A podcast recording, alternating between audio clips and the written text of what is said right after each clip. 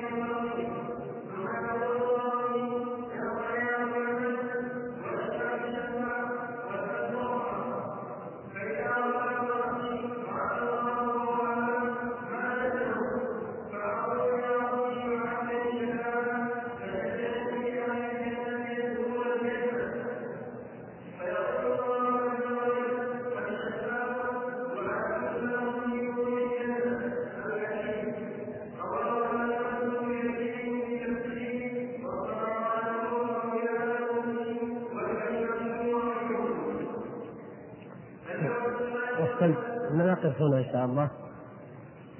كما تلاحظون أيها الإخوان أنا قد قرأت تعليق الشارح على هذا الحديث مرة ثم مرة ثم مرات لأستطيع أن أتبين ما وجه التعجب من إيراد الحديث الذي ذكره هو هنا. الحديث الذي رواه الإمام أحمد والإمامان أيضا الشيخان البخاري ومسلم حديث أبي هريرة الذي شرحناه في الدرس الماضي.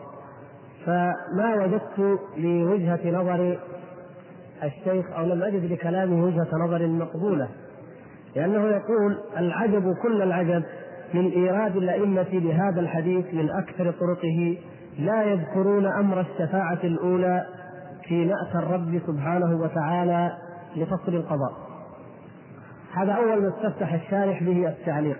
والحديث كما قرأتموه ونعيد قراءة الجزء الأول منه. يقول يجمع الله الأولين والآخرين في صعيد واحد. ثم إلى فيقول بعض الناس لبعض ألا ترون ما إلى ما أنتم فيه؟ ألا ترون إلى ما قد بلغكم؟ ألا تنظرون من يشفع لكم إلى ربكم؟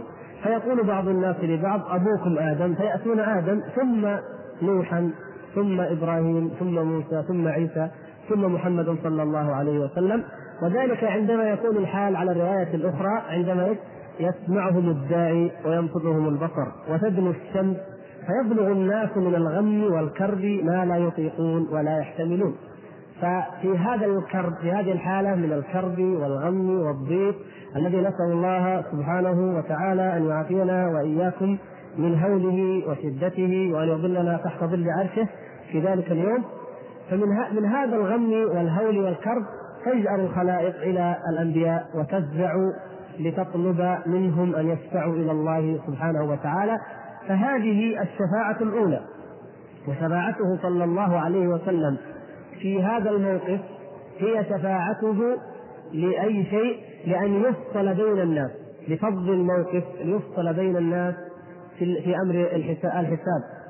سواء منهم من يستحق الجنة يدخلها ومن يستحق النار. فيدخلها فالقضية ليست شفاعة خاصة بأهل الجنة ولا شفاعة خاصة بإخراج العصاة من النار وإدخالهم الجنة كما تلاحظون السياق. فيقول فقول الشيخ لا يذكرون أمر الشفاعة الأولى في بأس الرب سبحانه وتعالى لفصل القضاء كما ورد في حديث الصور لا هذه هي الشفاعة الأولى. نعم لم يذكروا ما جاء في أنه سبحانه وتعالى يعني ما ذكر أول الحديث أنه يبدأ يبدأ الحشر بالنفس في الصور ثم يأتي الكروبيون والملائكة وما ذكره هو في الحديث الآخر. لكن ليس في هذا مطعن أنهم لم يذكروا الشفاعة الأولى وإنما لم يأتوا بأول المحشر. والواقع أنه لم يرد في صفة المحشر وصفا كاملا من أوله إلى آخره حديث صحيح واحد. وإنما الذي حصل أن بعض الوعاظ جمعوا كل ما ورد في الأحاديث وركبوا منها قصة واحدة وجعلوها كأنها حديث واحد وإلا في الواقع أنه كما ترون هنا هذا الحديث الصحيح عن أبي هريرة رضي الله تعالى عنه هناك حديث آخر كأنه تكملة لذلك وهو الذي سيأتي معنا إن شاء الله عن أنس بن مالك وعن أبي سعيد رضي الله تعالى عنهما ففي هذا هذا هذا لفض النزاع والآخر للشفاعة الأخرى وهي إخراج المؤمنين أهل التوحيد من النار وإدخالهم الجنة. فهي أحاديث صحيحة رواها الشيخان وروى الإمام أحمد رحمه الله كثيرا منها وروى غيرهم. وكل هذه الأحاديث كل كل صحابي يحدث بما حفظ أو أن النبي صلى الله عليه وسلم وهذا هو الواقع لم يحدث أصحابه حديثا واحدا في المحشر بكامله بطوله وإنما كان يحدثهم كما في هذا الحديث الذي أوله أنه أتي بلحم ودفع إليه الذراع وكانت تعجبه فنهس منها نهسة إلى آخره. هذا يذكر فيه أمر شفاعته وأنه سيد ولد آدم يوم القيامة. في حديث آخر يذكر صلى الله عليه وسلم حوضة. في حديث آخر يذكر أمر مثلا الميزان أو الصحف. في حديث آخر يذكر دخول أهل الجنة الجنة. في حديث آخر يذكر شفاعته لأبي طالب. وهكذا فيوم القيامة الأحاديث فيه كالآيات. آيات متفرقة في سور متعددة وفي كل سورة نجد مشهدا وموقفا وحدثا. قد يرى أنه يختلف عن الآخر وما, وما ذلك إلا لعظمة هذا اليوم وسعته وكثرة ما فيه من الحوادث والوقائع والأهوال. فكذلك في السنة تأتي مفرقة في أحاديث. الأحاديث الصحيحة التي وردت في هذا ليس فيها حديث كامل من أوله إلى آخره يصف من أول النفخ في الصور إلى آخر شيء من أمور الشفاعة وهو حديث مثلا الجهنميين أو قصة الجهنميين وهي أيضا مما رواه الشيخان. فهذا الكلام الشيخ. فيقول قوله كما ورد في هذا في حديث الصور فإنه المقصود في هذا المقام ومقتضى سياق أول الحديث هذا سياق أول الحديث هنا وهو الشفاعة الأولى يقول فإن الناس إنما يستشفعون إلى آدم فمن بعده من الأنبياء في أن يفصل بين الناس ويستريح من مقامهم كما دلت عليه سياقاته من سائر طرقه. طيب وهذا الحديث الذي قرأناه ماذا فيه؟ لاحظتم يا إخوان أنا ارجو أن تفكروا أيضا أنتم وأن تتأملوا فقد يكون وجهة نظري هي الخطأ ووجهة نظر الشارح هي الصواب. لكن الذي يبدو هو يقول الناس إنما يستشفعون إلى آدم فمن بعدهم من الأنبياء في أن يفصل بين الناس ويستريحوا من مقامهم. وهذا هو الذي في هذا الحديث. يجمع الله الأولين والآخرين في صعيد واحد يسمعهم الداعي وينفضهم البصر وتدنو الشمس ويبلغ الناس من الغم والكرب ما لا يطيقون ولا يحتملون فيقول بعض الناس لبعض ألا ترون إلى ما أنتم فيه؟ ألا ترون إلى ما قد بلغكم؟ ألا تنظرون من يشفع لكم إلى ربكم؟ فيقول بعض الناس لبعض أبوكم آدم فيأتون آدم ثم يأتون إلى بقية أولي العزم إلى أولي العزم من الرسل. فالموضوع اذا هو كما يقول هنا. فليس كما دل السياقات بل كما دل هذا اللفظ الذي أورده هو. ولهذا أنا قلت ربما أن الشارح رحمه الله في أول أمره ذكر إحدى الروايات المختصرة وذكر وعقب عليها بهذا الكلام ثم بدا له أن يأتي بالحديث كاملا أو بأكمل حديث. وهذا حديث ابو هريرة من أكمل الأحاديث وأطولها. في ذلك مع حديث أنس الآتي. أو أن هذا التعليق نقله الشارح رحمه الله عن إمام آخر وكأنه من كلام ابن القيم ولم نتمكن من التحقق من ذلك لكن كأنه هكذا. ولم ينقله يعني لم ينقله ابن القيم تعقيبا على هذا الحديث وإنما تعقيبا على أمر آه، اقتصار بعض العلماء على إثبات الشفاعة الأخيرة وعدم إتيانهم بأول الحديث. والله أعلم. ثم يقول فإذا وصلوا إلى الجزاء إنما يذكرون الشفاعة في عصاة الأمة وإخراجهم من النار. وهذا ليس في هذا الحديث في الواقع كما ترون بل هو في الشفاعة الأولى العظمى. ثم يقول وكان مقصود السلف في الاقتصار على هذا المقدار من الحديث هو الرد على الخوارج ومن تابعهم من المعتزلة. الواقع أن التعميم بالسلف هذا لا ينبغي لأن السلف لم يقتصروا على هذا اللفظ كما في الروايات الصحيحين التي بين أيدينا وغيرها وإنما قد يكون بعض العلماء الذين أرادوا الرد على الخوارج اقتصروا على ذلك. لكن التعميم لا ينبغي فضلا عن أن يتعجب من ذلك الفعل. لأنه إن كان المقصود بالأئمة وفي السلف هنا علماء الحديث فليس من عادة كل علماء الحديث أن يختصروا الحديث للرد على أهل البدع كما تعلمون. نعم البخاري رحمه الله يذكر الحديث مجزأ وقد يختصره بحسب الأبواب كما تعلمون من طريقته. لكن الإمام مسلم الامام أحمد مثلا في المسند آه، غيرهم أبو داود الطيالسي ثم أيضا أصحاب السنن لا ينظرون إلى آه، لا يختصرون بقصد الرد وإنما يأتون في الغالب ذكر الحديث كاملا. فهذا يعني إن كان قصده أئمة الحديث فهذا لا يدخل هنا. وإن كان قصده الائمه الذين كتبوا في الرد على أهل البدع فاقتصارهم عليه أيضا لا يطعن في أهل الحديث أو في عملهم أو ينتقدون من أجله ويتعجب من عملهم من أجله فكان ينبغي للشارح هنا أن يفصل ذلك.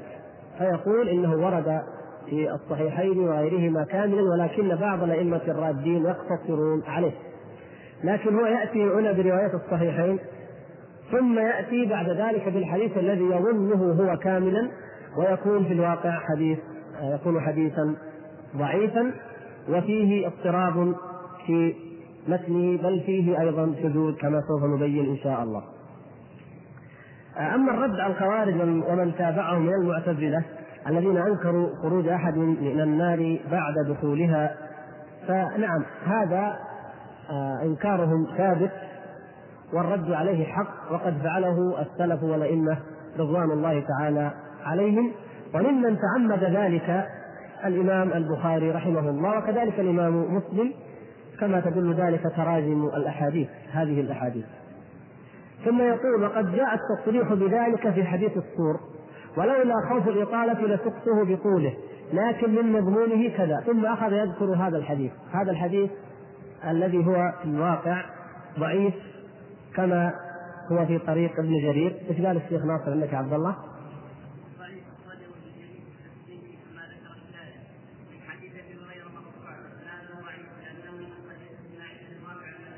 نعم.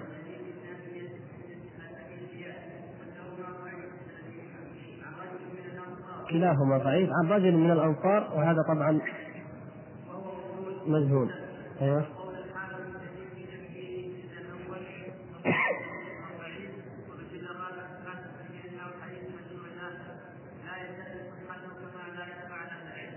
نعم فالمقصود أن هذا الحديث وأمثاله من الأحاديث ليست ثابتة فيما فيما روي في وصف المحصر كاملا ولكنها مركبة وقد تكون مركبة من احاديث صحيحه وأحاديث ضعيفة فبعض الألفاظ صحيحة وبعضها ضعيف.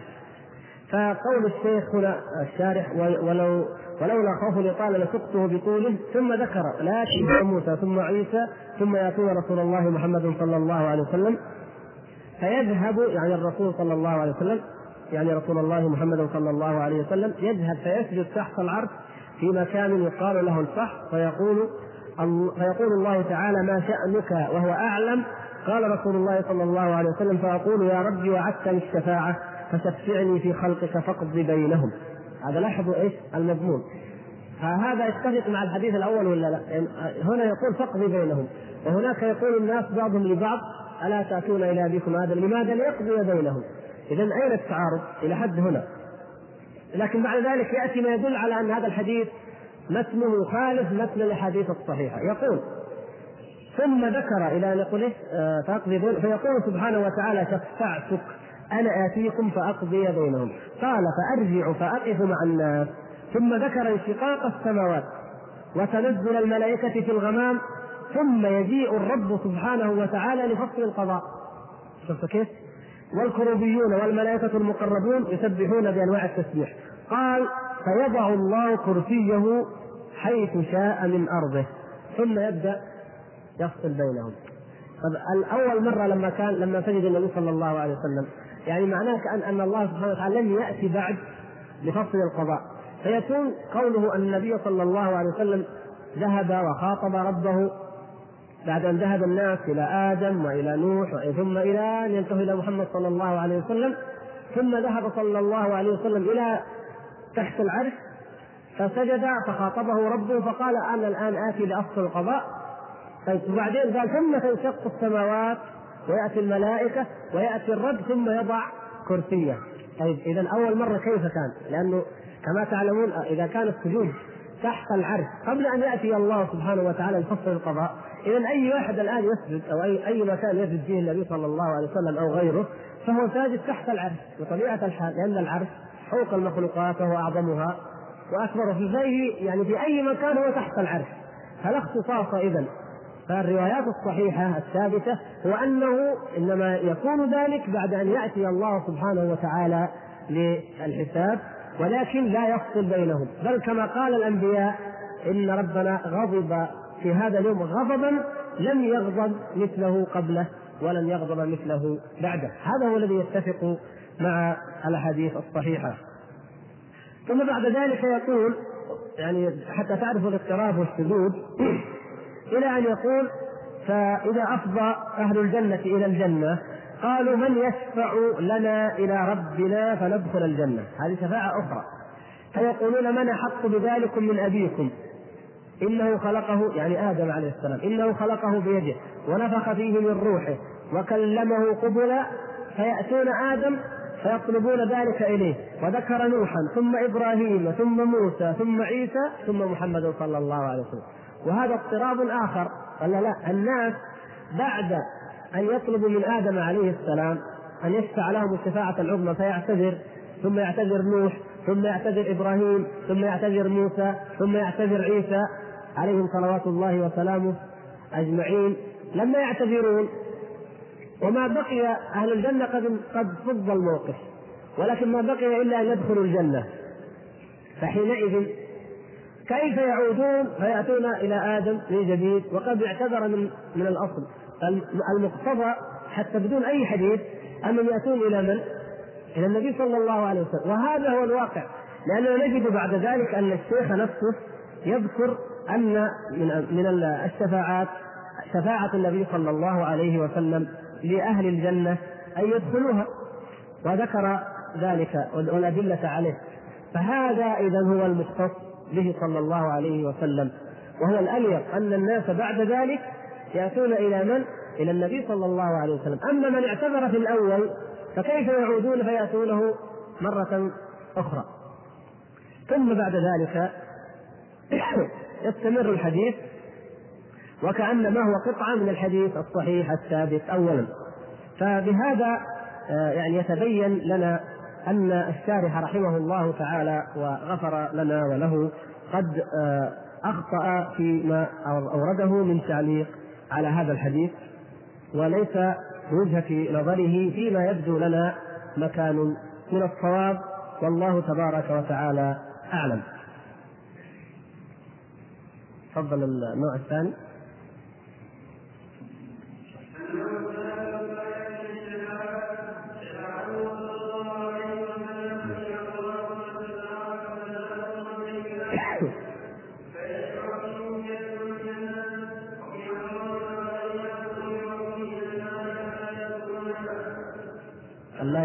يدخلوها.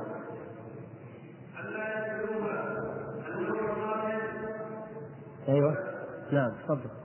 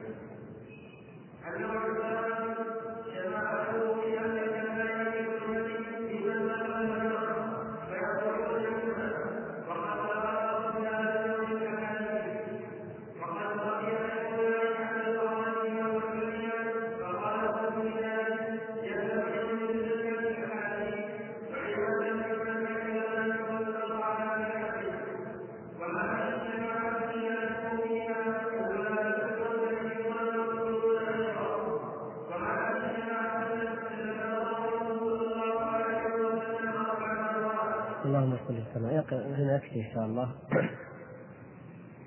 بعد أن ذكر الشارح رحمه الله تعالى الشفاعة الأولى وهي الشفاعة العظمى لفصل القضاء بين الناس ذكر بعد ذلك بقية الشفاعات وهي ثمان.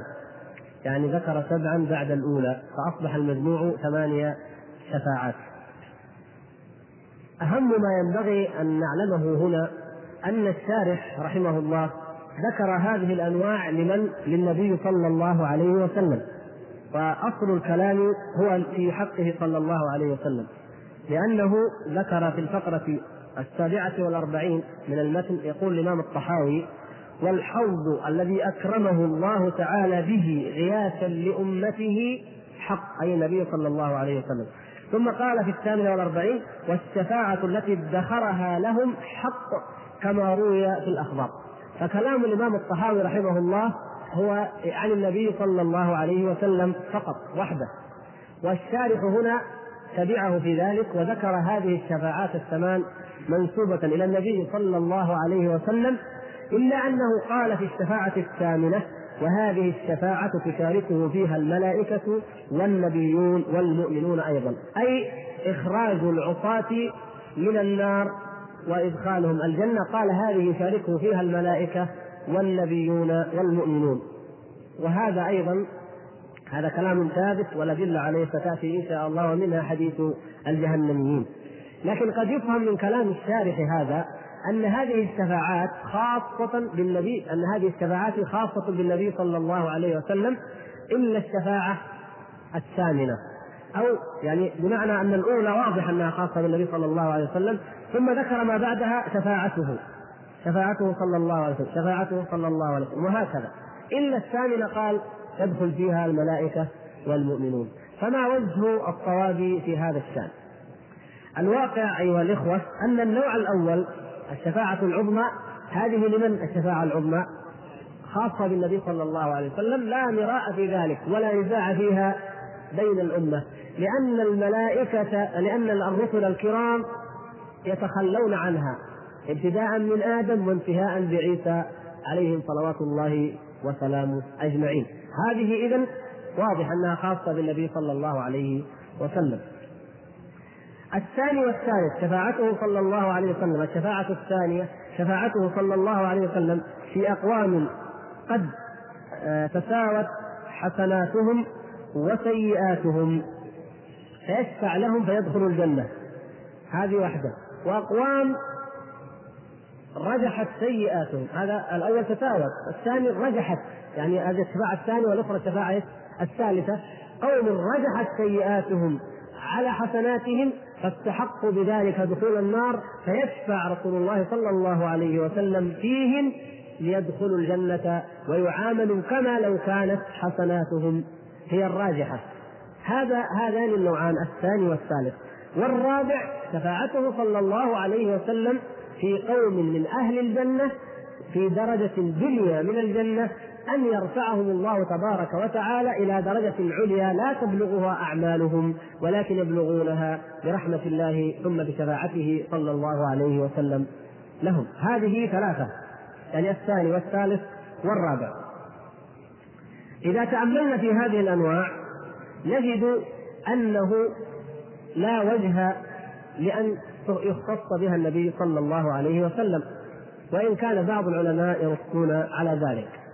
يعني شفاعته صلى الله عليه وسلم في أقوام قد تساوت حسناتهم وسيئاتهم أن يدخلوا الجنة. الحقيقة أنه لا يوجد دليل ثابت على خصوصية النبي صلى الله عليه وسلم بذلك. فلا يمنع أن يشفع الشهداء والملائكة والصالحون في الموقف في هؤلاء الناس من باب الأولى كيف؟ إذا كان الأنبياء والملائكة والصالحون من المؤمنين يشفعون في من دخل النار أن يخرج منها فأيهم أيهما أحق بالشفاعة؟ أليس الذي لم يدخل النار بعد؟ الذي تساوت حسناته وسيئاته؟ فلم يثبت دليل في اختصاص النبي صلى الله عليه وسلم وحده بذلك. فحصل خلاف بين العلماء الذين نقلوا أو تكلموا في الخصائص فبعضهم يجعلها من الخصائص وبعضهم لا يجعلها. والذي يتبين لنا من عموم الأحاديث أن ذلك ليس خاصا به صلى الله عليه وسلم. وكذلك أيضا رفع يعني الآيات يا أخوان لا يجوز أن نخطئ فيها وحتى في كتاب الشيخ وإن من أمة إلا خلا فيها نذير وجزاكم الله خيرا. طيب آه، اولا هل هل المشركون الذين تصلهم الرسالة يدخلون الجنة أو تشملهم الشفاعة؟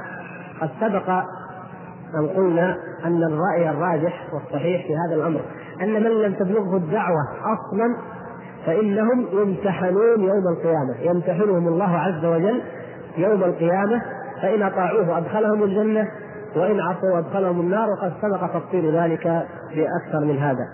وأما معارضة ذلك مع الآية فالأمة يأتيها النذير. يبعث الله سبحانه وتعالى في كل أمة نذير. ولا نذيرا ولا يعني ذلك أنه لا يأتي من هذه أنه لا يكون في هذه الأمة أن كل أحد من هذه الأمة تبلغه النذارة. يعني قد يبعث الله سبحانه وتعالى مثلا في أمة آه، الصيني أو الهندي أو كذا نذير من النذر. ولكن هل يعني ذلك أن كل فرد من أفراد هذه الأمة تبلغه الدعوة؟ لا يقتضي ذلك. فهؤلاء لهم حالة خاصة واستثناء خاص. فليس هناك ليس هنالك من تعارض. لاننا عندما نتكلم عمن لم تبلغهم الدعوة غالبا نتكلم عن أفراد أو طوائف قليلة. وأما الأمم أو القرون كما سماها الله عز وجل القرون أو الأمم فإنها لا بد أن فيها دعوة ولا بد أنه قد جاءها نذير كما ذكر الله سبحانه وتعالى. هذا ما يبدو لي في هذا الجمع والله أعلم.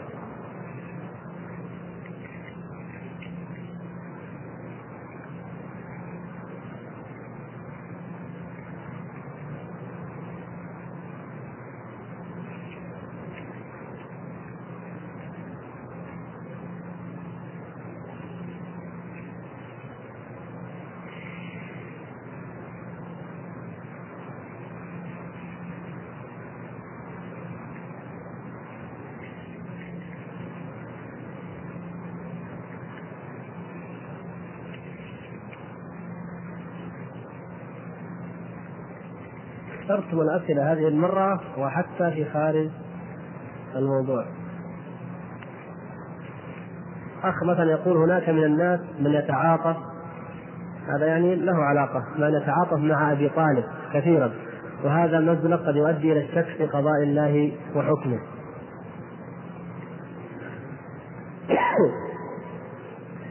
الرافضة عموما يقولون إن أبا طالب من أهل الجنة.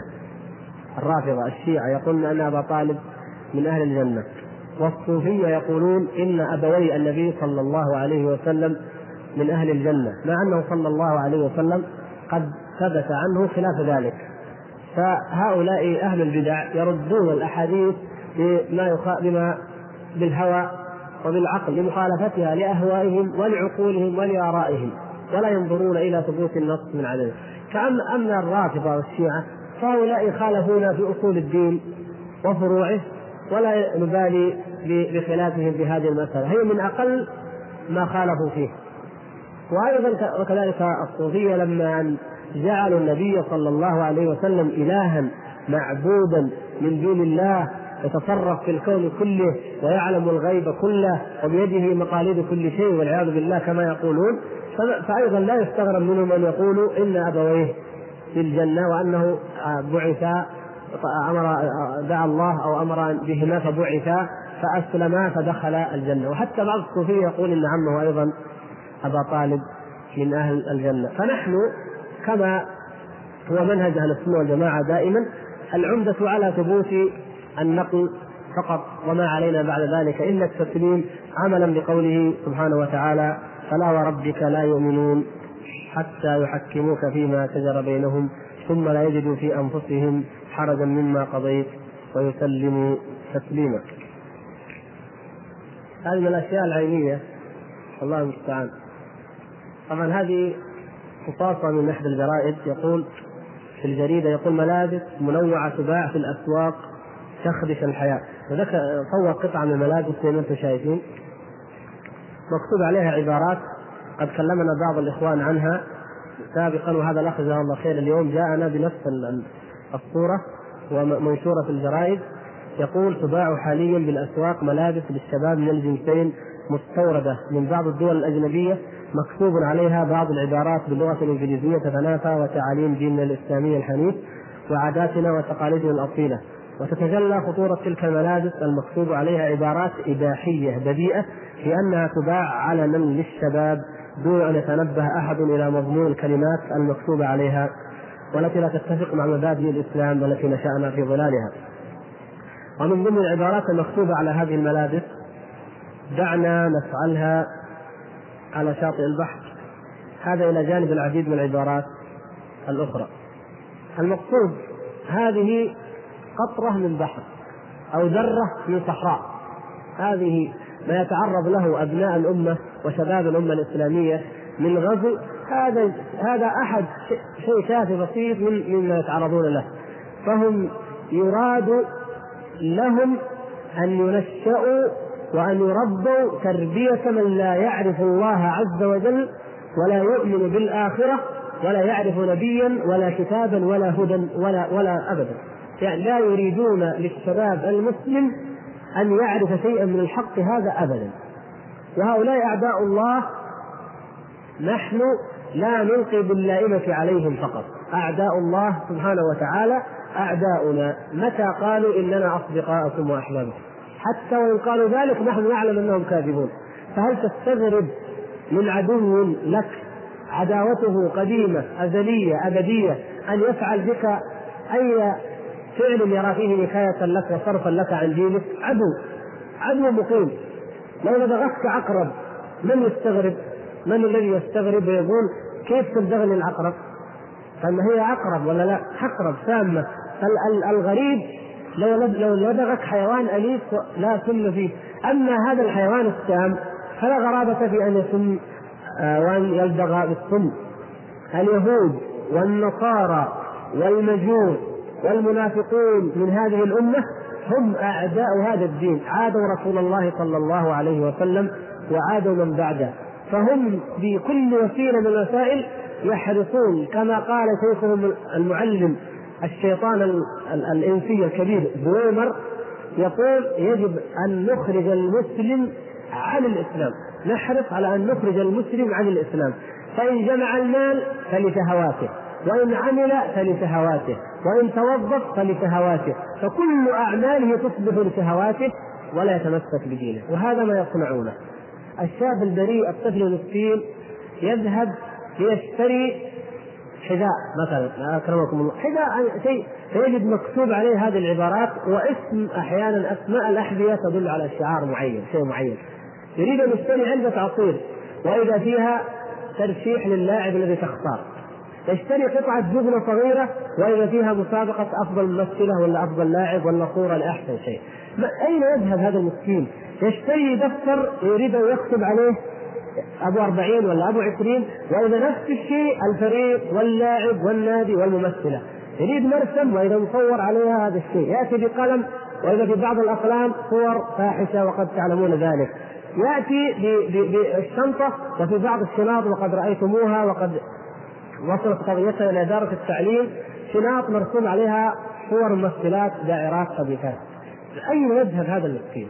أين يعني هذا الشباب المظلوم؟ والله مظلومون يا إخوان. دائما نتهم الشباب. الآباء يتهمون الشباب. يقولون الشباب فاسد وشباب ما في خير. أحيانا حتى الدعاء وحتى خطباء المساجد يقول هذا الشباب الذي فيه وفيه. طيب. أحيانا رجال المرور أو رجال الأمن يتهمون الشباب، أقول لك رجال المرور شباب متهور، شباب مندفع ما ينضبط، طيب يجوك مثلا رجال الأمن يقولوا هذا شباب يأخذ المخدرات يتعاطى كذا هذا شباب لا خير فيه، وهكذا وهكذا، طيب ما نعم هذه الأفعال يفعلها شبابنا، نعم، لكن بالله عليكم ما الذي قدمنا نحن لهذا الشباب؟ أليس واقعه يدفعه لهذه الأمور دفعا؟ فحين حين يفعل ذلك نستغرب كأن حالنا هو حال من يقول ألقاه في اليم مكتوفا وقال له إياك إياك أن تبتل بالماء. ماذا يرى في في وسائل الإعلام؟ ماذا يرى في الفيديو؟ ماذا يرى في المجلات؟ المئات المجلات. ماذا يرى في الملاعب؟ ماذا يرى؟ مما نحن نوجهه به. فكيف نستغرب منه أن ينحرف؟ ونحن اداء وموجهين. وكذا وكل كلكم راع كلكم راع وكل راع مسؤول عن رعيته كل المسؤولين عن التربية لا لم يقوموا إلا من قام بذلك وجزاه الله خيرا. لكن التقصير واقع ونحن أول مقصر نحن أنا عن نفسي أقول أنا أكثركم وأنتم إخواني طلبة العلم عليكم جانب من هذا. ماذا قدمنا لهذا الشباب المسكين؟ حتى بعضكم يعني يشير إلى أنه في لاعب من اللعاب اللاعيبه الكفار وأن الشباب يبغوا يستقبلوه يا أخي لو خرج مليون واحد يستقبله أنا لا أستغرب. لماذا؟ لأنه هذا الولد الصغير يروح المدرسة كل يوم وهذا واقع يمكن كلكم تعايشوه إذا اشترى قطعه الجبنة والا اشترى علبه الميرندا وإذا هنا لاعب وهنا لاعب. طيب مسكين هذا. وشنطته عليها صورة لاعب. بحثت أنا بنفسي. بحثت عن شنطة ولدي ما عليها صورة لاعب ولا ممثلة. ما كنت أجد والله يا إخوان. طيب صورة تاريخ كامل على الشنطة. وفي وفي علبة الجبنة. وفي علبة البنسي. وفي كذا وفي كذا. وبعدين تقولوا إن الشباب يريد أن يخرج يستقبل فلان. يا أخي نعم لازم نستقبله ليش ما نستقبله؟ نحن ربينا على ذلك. أين الآباء الذين يوجهون ابنائهم؟ أين وسائل الإعلام التي توجه الشباب إلى الجد؟ نحن يا إخوان تكلمنا في هذا الدرس وغيره من الدروس ويتكلم غيرنا أكثر عن الشفاعة، عن اليوم الآخر، بالله عليكم أين أعمالنا من اليوم الآخر؟ أين؟ الله عز وجل يقول أتى أمر الله فلا تستعجلوا، أتى أمر الله هذا الأمر العظيم اقترب للناس حسابهم وهم في غفلة معرضون ما يأتيهم من ذكر من ربهم محدث إلا استمعوه وهم يلعبون. لاهية قلوبهم اقتربت الساعة وانشق القمر. هذا كلام من؟ كيف كان السلف الصالح؟ زرارة بن أوفى رضي الله تعالى عنه من التابعين كان يصلي بهم إماما في الفجر فقرأ سورة المدثر فلما قرأ فإذا نقر في الناقور اختفى الصوت. انتظروا انتظروا وإذا به قد سقط فقلبوه فوجدوه ميتا رحمه الله. مات شهق فمات لما قرأ فإذا نقر في الناقور. هؤلاء الناس أين نحن من هذا؟ أو أمن أهل القرى أن يأتيهم بأسنا ضحى وهم يلعبون؟ ما أكثر ما نلعب. الحياة الدنيا لعب يا إخوان. اشتغالنا بالأموال والأولاد والزوجات هذا نفسه لعب. فكيف إذا اشتغلنا باللعب الحقيقي الذي هو لعب كما سماه أهله حتى عند الكفار يسمونه لعب لعب كورة ولا غنى ولا أي نوع من أنواع اللهو واللعب. إذا كانت الدنيا كلها لهو ولعب فاللهو واللعب الذي يقوله حتى الكفار يسمونه لهوا ولعبا أبعد ما يكون عن الأمة المؤمنة الصادقة الجادة. لكن خلت القلوب من الإيمان بالله عز وجل وخلت القلوب من الشعور بالمسؤولية. فعرضنا أبناءنا لهذا الغزو المباشر وهذه الهجمة الشرسة الخبيثة حتى أصبح أبناؤنا لا يفكرون في ليلهم ولا نهارهم إلا في هذه الأمور. الآخرة الجنة النار الدين الإيمان هذا أصبح أبعد شيء. ثم نستغرب منهم لماذا يفعلون ما يفعلون. ما من أب إلا ويشكو من أبنائه إلا من رحم الله. ما من مدرس إلا ويشكو من طلابه. إلا من رحم الله. وهكذا حتى الإدارات ما من مدير إدارة إلا يشكو من موظفيه إلا من رحم الله. لماذا؟ التوجيه. لأن هذه القلوب لا تتسع لشيئين. فإما أن تعبأ بذكر الله عز وجل وذكر الآخرة والخوف من الله عز وجل ومن النار فتخضع لله فيكون المجتمع السعيد الآمن المطمئن. وإما أن تعبأ باللعب واللهو والتمثيل والغناء والكلام الفارغ الفاسد الذي يشحن به القلب شحنا ولا خير فيه ولا فائدة ولا عاقبة حسنة له فماذا نتوقع النتيجة إلا غفلة وإعراضا وجرائم ومصائب يفعلها الشباب وغير الشباب حتى غير الشباب يفعلون ذلك. بعض الكبار يرتكبون في هذا المجال ما هو أسوأ وافسد من الشباب. أو من الصغار فنسأل الله عز وجل أن يرد هذه الأمة إليه ردا حميدا. وأذكركم يا إخوان ونفسي بواجبنا نحن. بواجبنا. لا بد ان أن نكون على مستوى المسؤولية.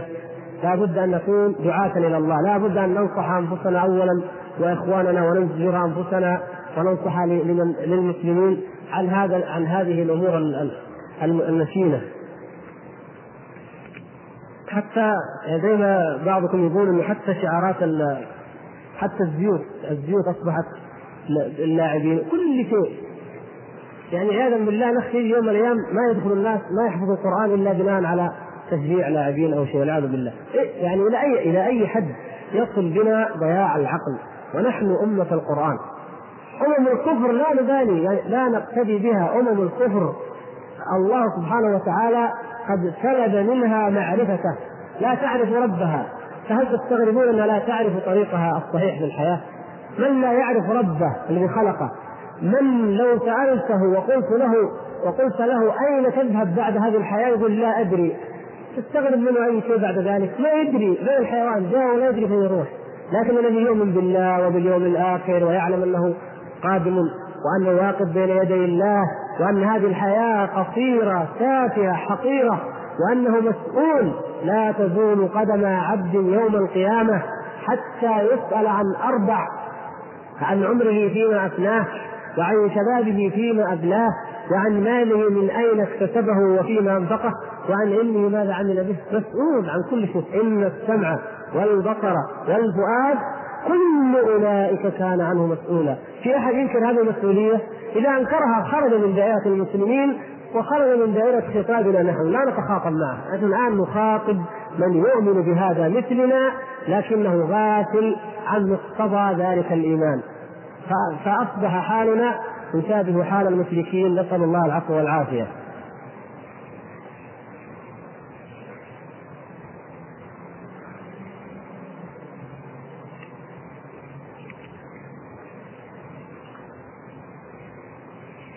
السابقون بالخيرات هم من فعل الواجب والمندوب وترك الحرام والمكروه.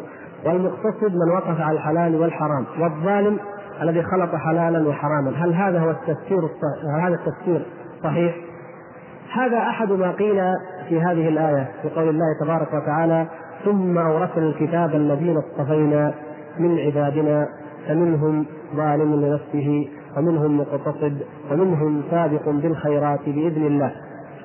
فهذه الأمة المصطفى أمة محمد صلى الله عليه وسلم؟ اصطفاها الله على سائر الأمم وأورثها الكتاب القرآن هذا الذي أهمله من أهمله واتخذوه مهجورا أورثها إياه. وجعلها ثلاثة ثلاث درجات. فالظالم لنفسه هو الذي أهلك نفسه بالموبقات والذنوب والمعاصي الكبائر عافانا الله وإياكم من ذلك. والمقتصد هو نترك المقتصد الآن. الظالم نفسه حتى تأخذ أقرب وأفضل أيسر تعريف الظالم نفسه من فعل الكبائر الموبقات. السابق بالخيرات هو من كان من المحسنين من المتقين من الأوابين من التوابين من الأواهين ممن من المخبتين. إلى آخر ما وصف الله سبحانه وتعالى عباده وأصفياءه في القرآن.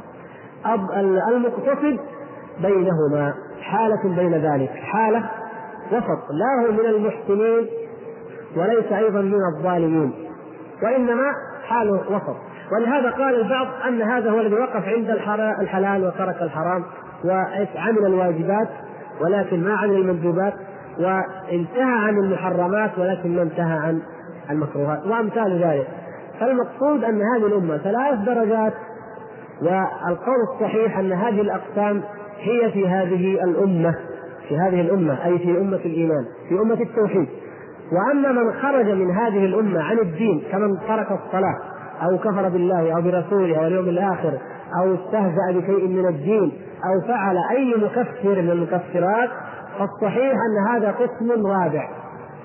والذين كفروا لهم نار جهنم لا يقضى عليهم فيموتوا ولا يخفف عنهم من عذابها. فبعد أن ذكر الله تعالى الأصناف الثلاثة ذكر الصنف الرابع وهم الكفار.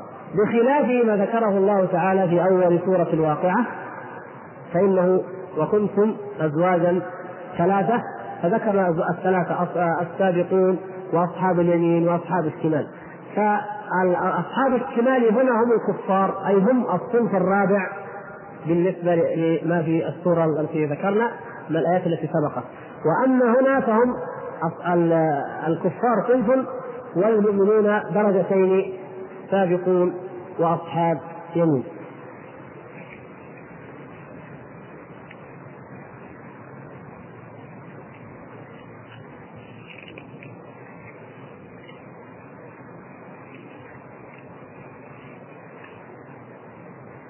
موضوع ترك الصلاة هذا قد سبق الحديث عنه لكن الأخ يقول سمعت بعض المخرفين يفتون بأن تارك الصلاة مسلم عاصي. لا الحقيقة يعني وليس هذا خاصا بالمنحرفين أو بالمخرفين. القول بأن تارك الصلاة ليس بكافر قال به بعض الفقهاء وهو المذهب المشهور عن الإمام أبي حنيفة رحمه الله. ولكن المذهب خطأ نعم هو خطأ والراجح الصحيح الذي أجمع عليه الصحابة أن تارك الصلاة كافر وقد سبق إيضاح ذلك مرارا.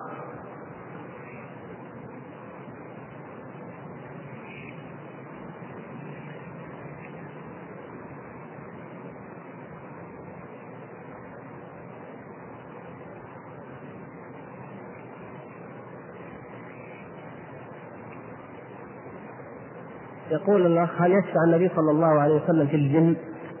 يدخل الجنة.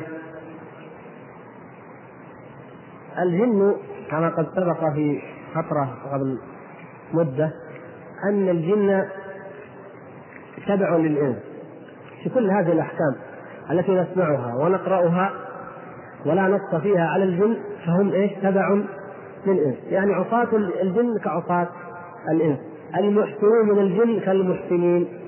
من الإنس، فمن آمن به صلى الله عليه وسلم من الجن فهذا حاله.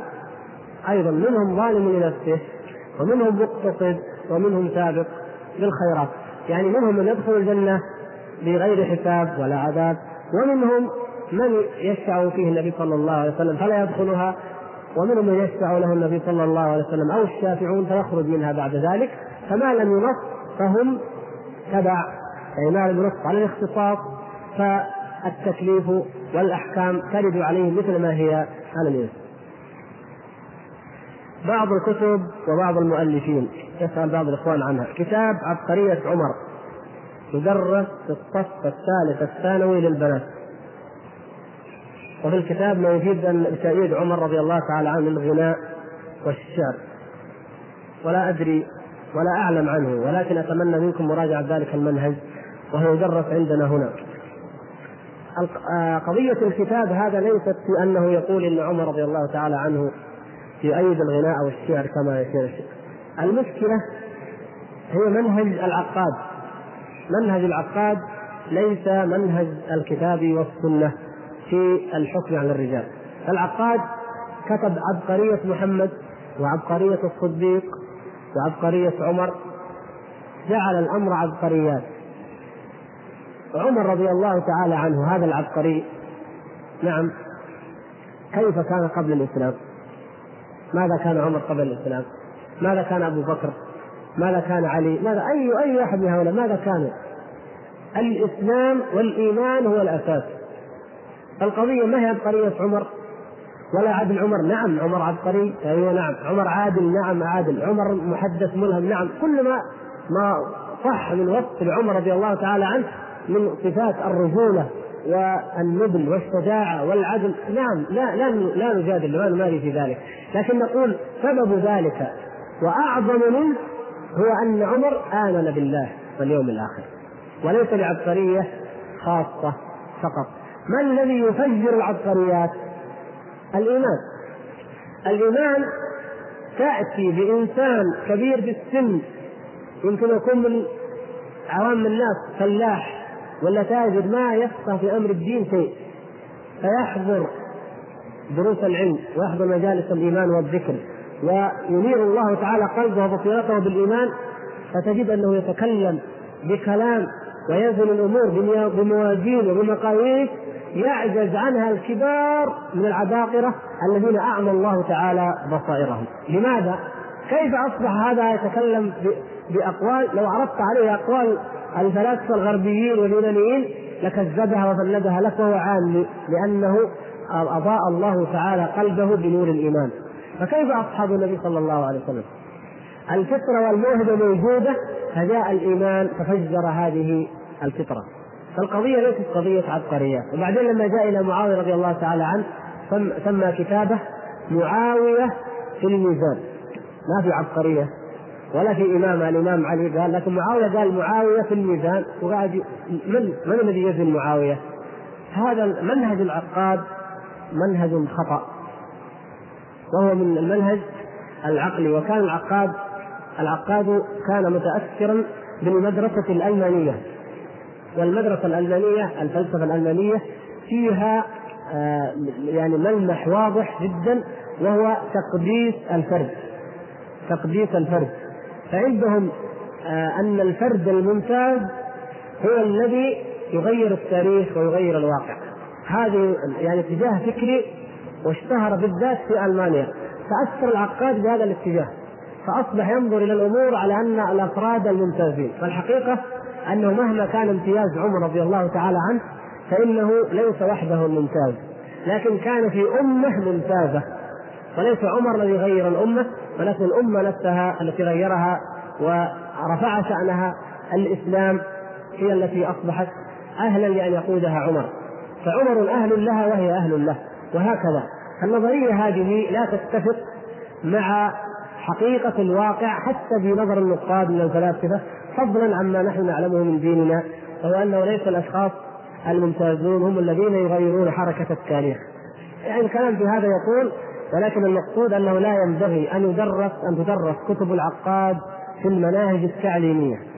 والعجيب أنها كانت مقرره في الثانوية على الأولاد، تذكر هذا يمكن بعضكم، كانت مقرره على الأولاد. ثم الغيت فالآن تقرر على البنات. هذا شيء إن صح فهو لا ينبغي. بل يجب أو ينبغي أن يكتب للرئاسة في ذلك.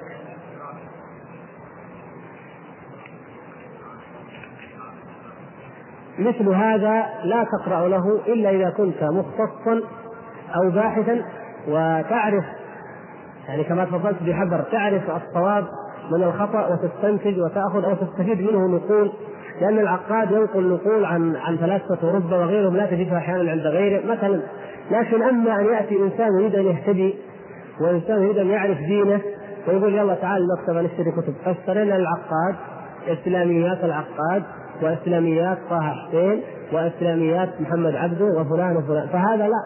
في الحقيقة هذا هو يخرج من آه مثلا جهل ولكن يدخل فيه جهل مركب فإنه يأخذ دينه من غير مصدره الصحيح.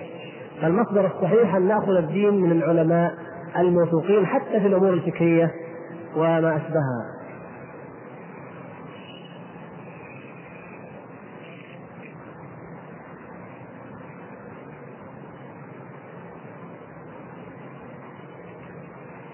فناء الجنة والنار وجودها سيأتي. لكن الآن في اختصار ما حول ما يسأله بعضكم الجنة والنار مخلوقتان الآن وموجودتان الآن على مذهب أهل السنة والجماعة وهما ما فيهما من الحور والولدان لا يشملهم الفزع الأكبر. ففزع من في السماوات والأرض إلا إلا من شاء الله. فممن ممن لا يفزع ولا يشملهم الفزع الحور والولدان الذين في الجنة. فلا لا الأهوال ولا الفزع في يوم القيامة يشملهم بل يكونون متهيئين لاستقبال المؤمنين جعلنا الله وإياكم منهم وهذا يأتي تفصيله إن شاء الله في موضعه بإذن الله.